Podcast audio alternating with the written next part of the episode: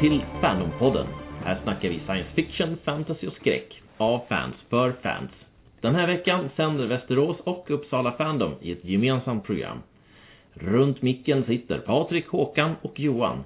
Nu kör vi! 10,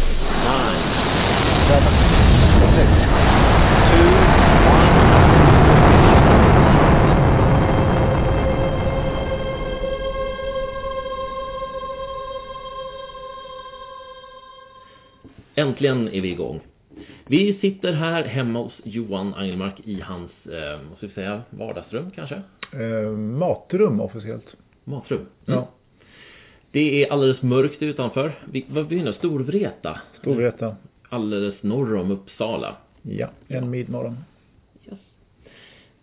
Um, jag heter då Håkan Wester och um, är medlem i Västerås Fandom och en hängiven SF-fan.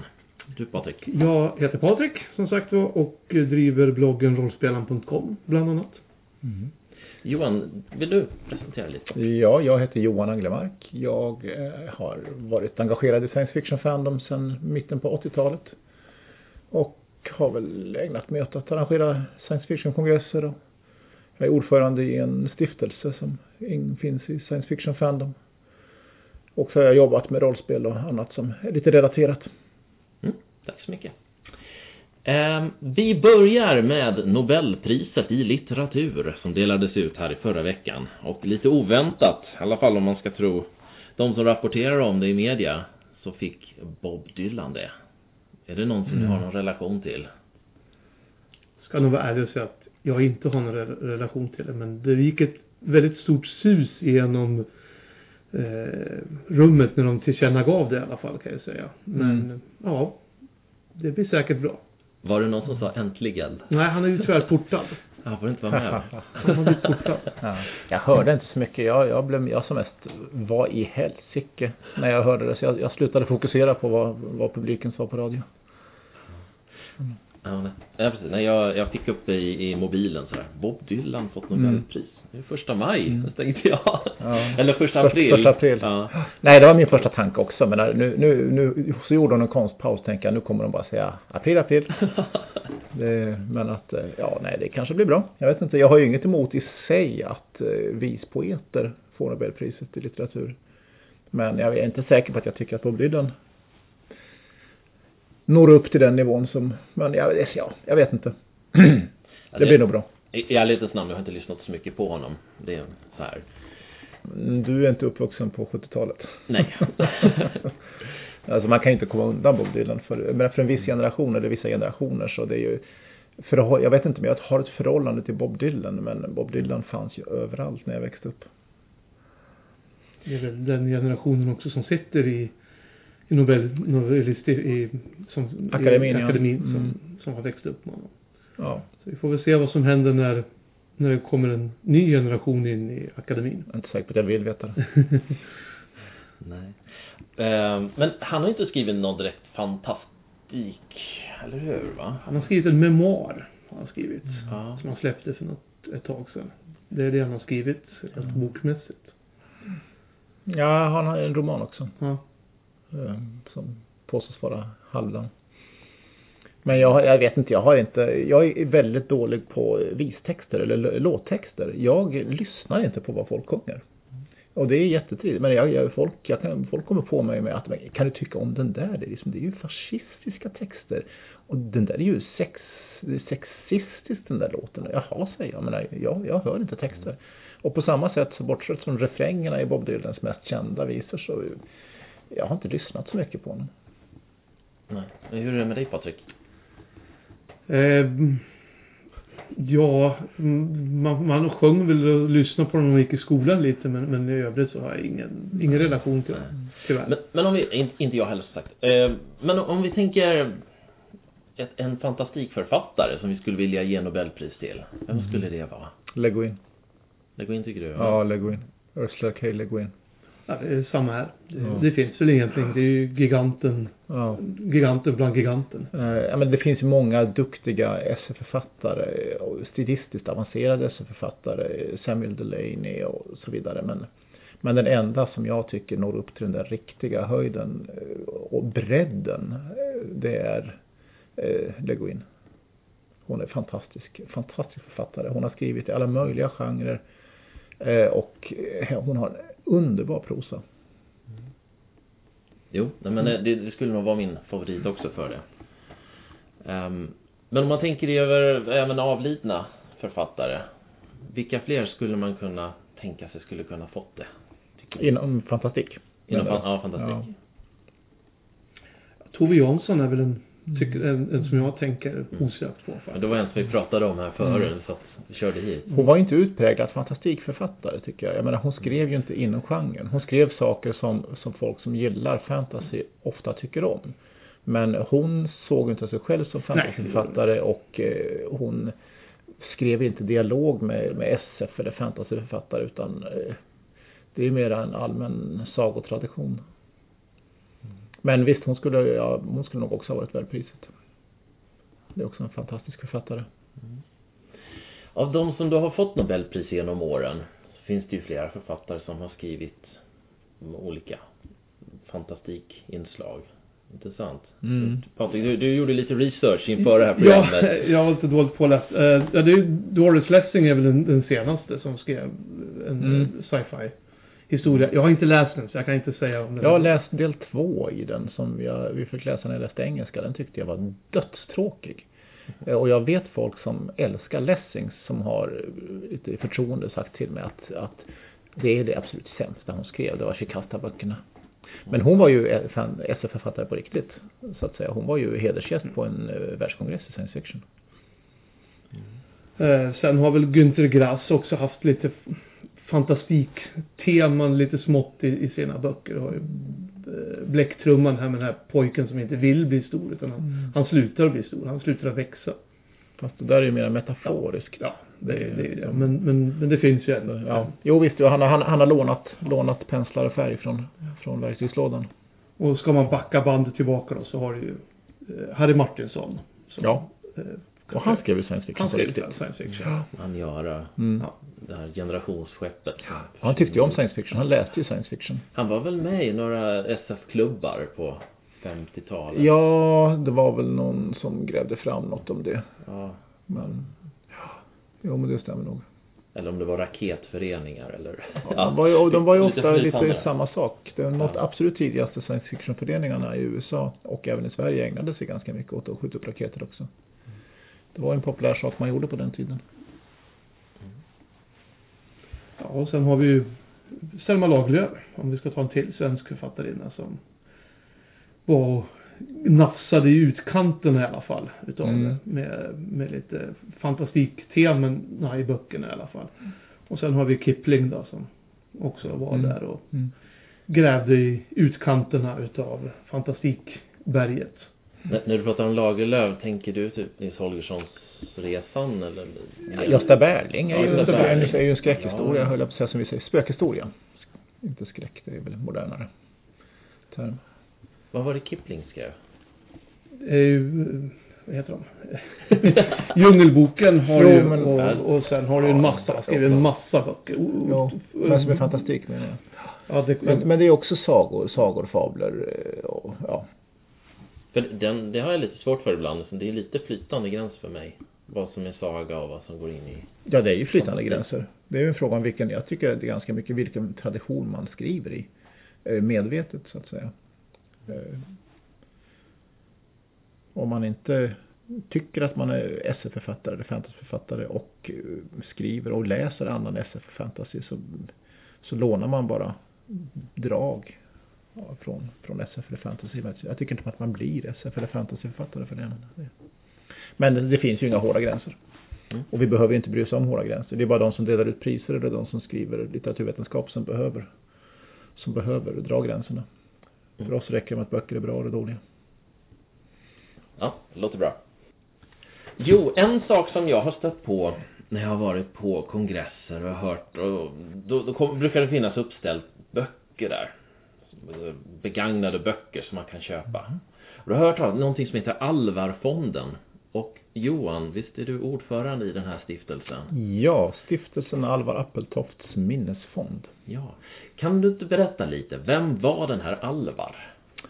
Ja, jag träffade honom inte själv för han dog innan jag kom med i Fandom. Men han var en väldigt aktiv science fiction-fan på 50-talet, slutet på 50-talet. Han var ung, han var född 42 så han, när han kom i kontakt med Fandom var han 13-14. Eh, och eh, han var en väldigt försigkommen, begåvad gymnasist. Eh, som han eh, låg före årskurserna och menar, riktig, riktig, riktigt intelligent och framåt kille. Eh, men han var egentligen inte intresserad av någonting annat än science fiction och läsa böcker. Eh, och när han kom i kontakt med Fandom så började han grunda föreningar och ge ut fanzines och, och blev så fanatiskt aktiv. Jag har ingen aning det. Jag alltså, skulle inte förvåna mig han kanske var bipolär eller någonting. Men han, och han slängde allt. Skolarbetet försummade han fullständigt. Allting handlade om science fiction fandom. Eh, så det är riktigt, riktigt eh, förbrännande. Men som, som, om man tittar på i dagens motsvarighet skulle vi vara så här riktiga, riktiga dataspelsmissbrukare. Som släpper allt annat och bara sitter och spelar dygnet runt. Och på det sättet så gjorde Alvar Appeltoft Fandom. Vilket ledde till att hans föräldrar efter ett par år sa stopp. Eh, de tvingade honom att sluta ha kontakt med Fandom. Eh, de sålde av alla hans science fiction böcker påstå, har jag hört, jag är inte säker på att det stämmer, men ja, det här var länge sedan, det var fem, slutet på 50-talet. Och alltså tvingade honom att klippa helt med SF Fandom. Och eh, det där funkar inte alls bra. Han eh, misslyckades i alla fall med sina studier eh, och sen så fick han ett eh, sammanbrott och hamnade på sjukhus och var, låg inlagd en stor del av 60-talet. Sen kom han ut igen och eh, återupptog kontakten med Fandom lite grann fast lite lugnare och han blev väl aldrig riktigt helt helt frisk igen. Eh, men att eh, och sen så dog han i mitten på 60-talet och då tyckte hans föräldrar att då hade de dåligt samvete för de misstänkte lite grann att det var att de verkligen klippte band. Det, det som han tyckte var roligast i hela världen, det var science fiction och fandom. Och de tvingade honom att sluta med det. Vi kan ju tycka idag att vi förstår mycket väl. Vi hade kanske gjort likadant om det hade varit vårt barn. Men de hade i alla fall väldigt dåligt samvete över det här och ville då att fan, de, skulle, de ville ge igen på något sätt, försöka kompensera. Så då donerade de pengar eh, och pratade med Skandinavisk förening för science fiction och frågade om vi inte kunde starta en minnesfond för, för eh, Alvars minne. Eh, så att då grundades den här fonden och med syftet att dela ut ett pris till en science fiction-fan som har levat i Alvars anda. Varit lika entusiastisk och, och och verkligen levt, någon som lever för fandom. Eh, och sen dess har vi ändrat på stadgarna en gång så att vi kan dela ut ett par stipendier också utöver det här priset. Men det är vad Alvar Appeltofts minnesfond är. Det är en fond som delar ut ett pris till någon som en entusiastisk ung science fiction-fan en gång om året. Samt eh, stipendier till annan verksamhet som har med fandom att göra. Mm. Och det här priset det delas ut på den årliga SF-kongressen? Ja, nu, nu för tiden, sedan 20 år tillbaka ungefär, så har vi en, en nationell SF-kongress varje år. En stor science fiction-kongress. Och då passade vi på att dela ut Alva-priset på den. Mm. Tidigare så delades det väl ut när det blev tillfälle till det. Så när var det man började dela ut det här priset? Första priset eh, gick 1978 postumt till Alvar själv. Eller om det var 1977, jag minns inte. Ja, det absolut första priset delades ut 77 eller 78 till Alvar själv postumt. Mm. Vilken roll har den här stiftelsen för svensk fandom? Ja, den, det mest, det är väl det är två saker framför allt. Den ena är då att vi har den här omröstningen om, det är en omröstning i science fiction fandom en gång om året om att dela ut Alva-priset, vilket tvingar folk att fundera på vem, vem tycker vi, har det kommit några nykomlingar på sistone, de senaste åren som, som vi verkligen tycker är aktiva och förtjänar att få den här utmärkelsen. Och sen så ger vi också pengar till folk som är med och arrangerar SF-kongresser som de vanligtvis donerar till kongressen sen i sin tur så att eh, kongresserna får lite pengar. Precis. Är det en stiftelse som går att söka pengar i för olika projekt eller tankar man vill göra? Saker? Ja, det kan man göra. Om man är, om man är SF-fan. Vi, vi får bara dela ut pengar till svenska science fiction-fans. Mm. Vad, vad, innebär det att man är ett SF-fan? För det, om man står lite utanför kanske man inte riktigt förstår ja, Att man är en science fiction-fan. Um, det, ja, alltså, egentligen så borde det ju vara vem som helst som tycker om science fiction. Och, och så är det naturligtvis. Science fiction-fan är man om, man om man är fan av science fiction. Men den här rörelsen som kallas för science fiction fandom. Eh, det här kommer egentligen från den tiden när det inte var särskilt många som brydde sig om science fiction. Då var det egentligen lite samma sak att, att vara med i den här rörelsen och att, vara, att gilla science fiction. Men det, när, vi, när jag säger att man måste vara science fiction-fan för att få priset så menar jag att man måste vara med i det här nätverket av människor som går på science fiction-kongresser och, och eh, umgås i samma eh, Facebookgrupper och ja, att man, man vet vad science fiction-fan de är för någonting och sådana här SF-kongresser, man, man vet vad det är. Man är med i nätverket. En sak vi gör till är i och för sig också att vi säljer begagnade böcker som du var inne på här. Eh, och det har vi gjort i ungefär 15 år. Och det började väldigt enkelt med att vi konstaterade att det var ingen som sålde böcker längre på våra kongresser. Och de här SF-kongresserna handlar väldigt mycket om litteratur. Eh, det handlar om film och tv och serier och sånt också. Men, men det är ganska stort fokus på litteraturen. Så att det är, och vi vande oss vid att det alltid fanns att science fiction-bokhandeln kom och sålde, att det alltid fanns böcker som man kunde gå och bläddra i och, och prata om på kongresserna. Men sen så slutade science fiction-bokhandeln att komma och sälja. Det var inte värt det för dem längre. För att alla kände till dem. Eh, så att då, ja, och det, det sålde inte tillräckligt mycket för att det vägde upp deras löner. Så det fanns inga böcker att köpa längre. Och samtidigt den här Alva-fonden. Eh, vi får bara dela ut pengar av överskottet, av våran vinst. Ränteutdelningar och sånt där. Vi får inte ta av kapitalet. Och vi hade lite svårt att, vi var tvungna att sälja eh, ekonom, menar, aktier och sånt för att kunna, för att få en vinst av försäljningen som vi sen kunde dela ut. Så fonden minskade värde hela tiden. Och för att dels få in nya pengar till fonden och dels få böcker för folk att handla på kongresser. Så kom vi på idén att tänk om vi kan be folk att donera sina gamla böcker till oss så kan vi sälja dem på kongresser. Så då får vi in pengar så vi kan dela ut stipendier för och sen så har folk begagnade böcker som de kan gå och eh, botanisera bland. Det är lite, lite återvinningstanke sådär. Det är jättemycket återvinning men det har ju alltid begagnade böcker varit. Men om jag skulle vilja donera böcker till Alvarfonden, hur börjar jag mig åt då? Du kontaktar mig. Det gör man på... Jag heter Johan Anglemark. Googla. Visst finns det någon hemsida där det finns bra kontaktuppgifter ja. och sånt där? Googla på Alvarfonden. Härligt. Är det, ja, just det. Alvarfonden.org eller? Ja, ja, om du inte vill googla, om du vill skriva in all, ja. om, du skriva, om du orkar skriva fyra tecken till så skriv det i andra fältet i webbläsaren och lägg till .org. Ja. Eh, de här böckerna, alltså, är det, är det mycket böcker? Det har varierat. Första gången jag åkte på en kongress och sålde så hade jag med mig en hel resväska. Det måste ha varit, inte 100 böcker men säkert 50 böcker i alla fall. Och det mesta jag haft var 4 500. Just nu så ligger det på en bit över 3000. Har du med alla böckerna när du åker? Om jag får, jag har inte själv körkort vilket är ett problem i det här sammanhanget. Men om jag får folk att skjutsa så att jag får med mig alla böckerna så tar jag med mig alla böckerna. Men annars så, jag har åtminstone med mig hälften, eller drygt hälften. Och du har de här hemma hos dig eller finns de på andra ställen också? De är här hemma hos mig. Allihopa? Jajamensan, ute i vårt garage. Jag förstår. Och där kan vi vara tacksamma att vi lever i ett sånt fantastiskt klimat att man kan få våra böcker i garaget utan, att, utan problem. Vilken tur att du inte har bil då. Vilken tur att jag inte har bil, ja. ha. Men hade jag haft bil hade jag kunnat köra iväg de här böckerna själv som jag då inte hade haft plats för. Mm. Just det. Mm. Vill du säga på? Nej, jag har ingenting att säga riktigt. Jag, jag har bara lyssnat. Ja. Ja, du frågade på. Ja, ja. ja det, kanske, kanske att vi skulle kunna få gå och titta lite i garaget. Ja, det kan vi göra. Mm. Kom, vi, vi, vi går och kikar. Titta på högarna där. Vi går och kikar.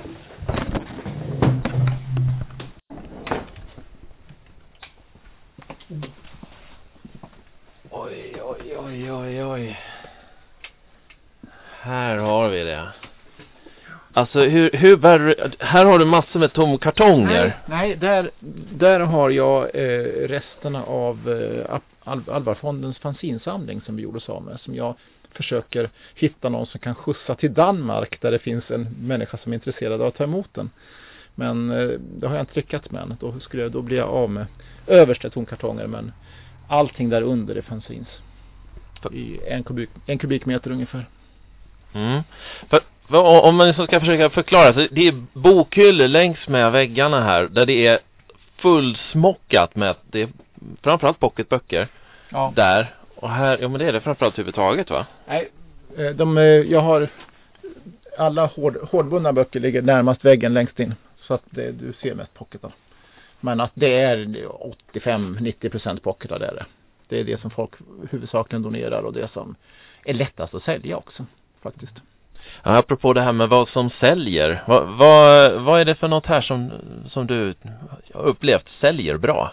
Eh, det som säljer bäst är alltid jätteenkelt. Eh, det är inte gamla böcker utan det är hyggligt, nytt, i gott skick, billigt. När folk kan köpa någonting som de har gått och funderat på ändå som kanske kom ut för ett par år sedan i en helt ny pocket som de kan köpa för 25 spänn istället för eh, 99. Det, det är det som är det mest lättsålt. När det gäller äldre saker så är det mycket svårare att säga. Det är, vad som helst säljer så småningom. Det är alltid någon som kommer in och, säljer, och köper någonting som, som jag har haft i tre fyra år och som säger om vad jag har letat efter den här. Någonting som jag sant precis hade tänkt att rensa ut för att ingen vill ha det.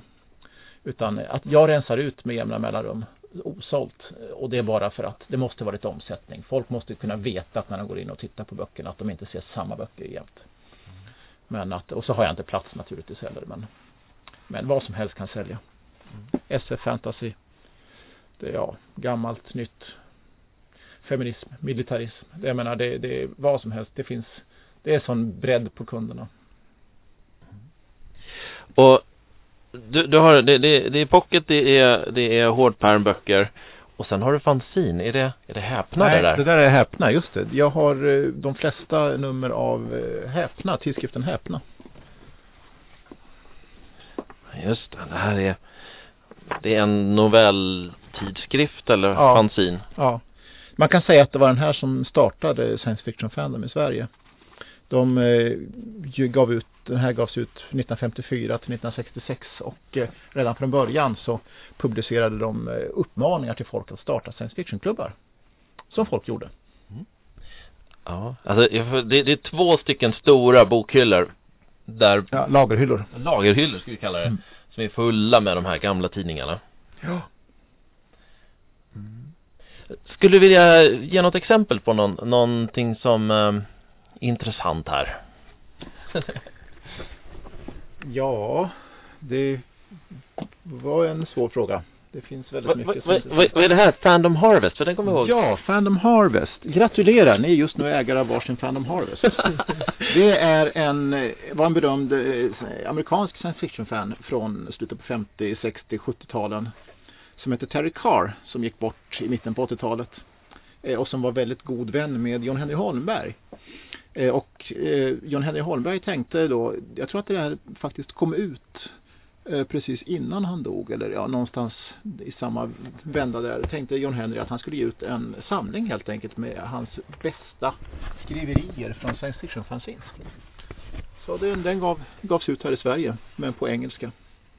Första upplagan juni 86 står det här Första och sista upplagan. Mm. Den sålde inte så jättebra. Intresset eh, runt omkring världen för att eh, läsa skriverier av en science fiction fan var inte så där otroligt stort. Men att eh, det var ett antal amerikanska och svenska fans som skaffade den. Patrik Ja, jag är helt... vad, vad säger du om det Jag är här? helt mållös. Det är lite som att hamna i ett litet, lite så här dröm, dr- drömställe. Enda problemet är att allting är då staplat fyra eh, eh, lager eh, från väggen och utåt. Så att varje gång någon skriver och, bestä- och vill beställa en bok så är jag tvungen att hålla på och gräva och gräva och gräva och gräva och, pl- och plocka runt och flytta runt. För- för- Har du liksom någon ordning på det här? Vad säger Det finns en grov ordning. Mhm. Här finns böcker av författare på A. Mhm. Här är det författare på B och så vidare. Men att eh, en del bokstäver har ju väldigt många författare och eh, om någon vill köpa en bok av en författare på L så är jag tvungen att gräva ut alla 250 böckerna och, leta igenom dem för att se var den är. För att de är inte bokstaverade, eller alfabetiserade inom bokstäverna. Vi, vi pratade förut om Nobelpristagare. Jag ser här att vi har en bok av Ursula K. Le Guin. Berättelse från Orsinien. Den har inte jag läst. Ja, det är en av hennes, hennes äldsta böcker. Jag vet inte, när kom den ut på engelska? 74 eller Uh, nej, kanske var 76 faktiskt. Som den, ja. Men Orsinien är ju uppkallat efter henne själv.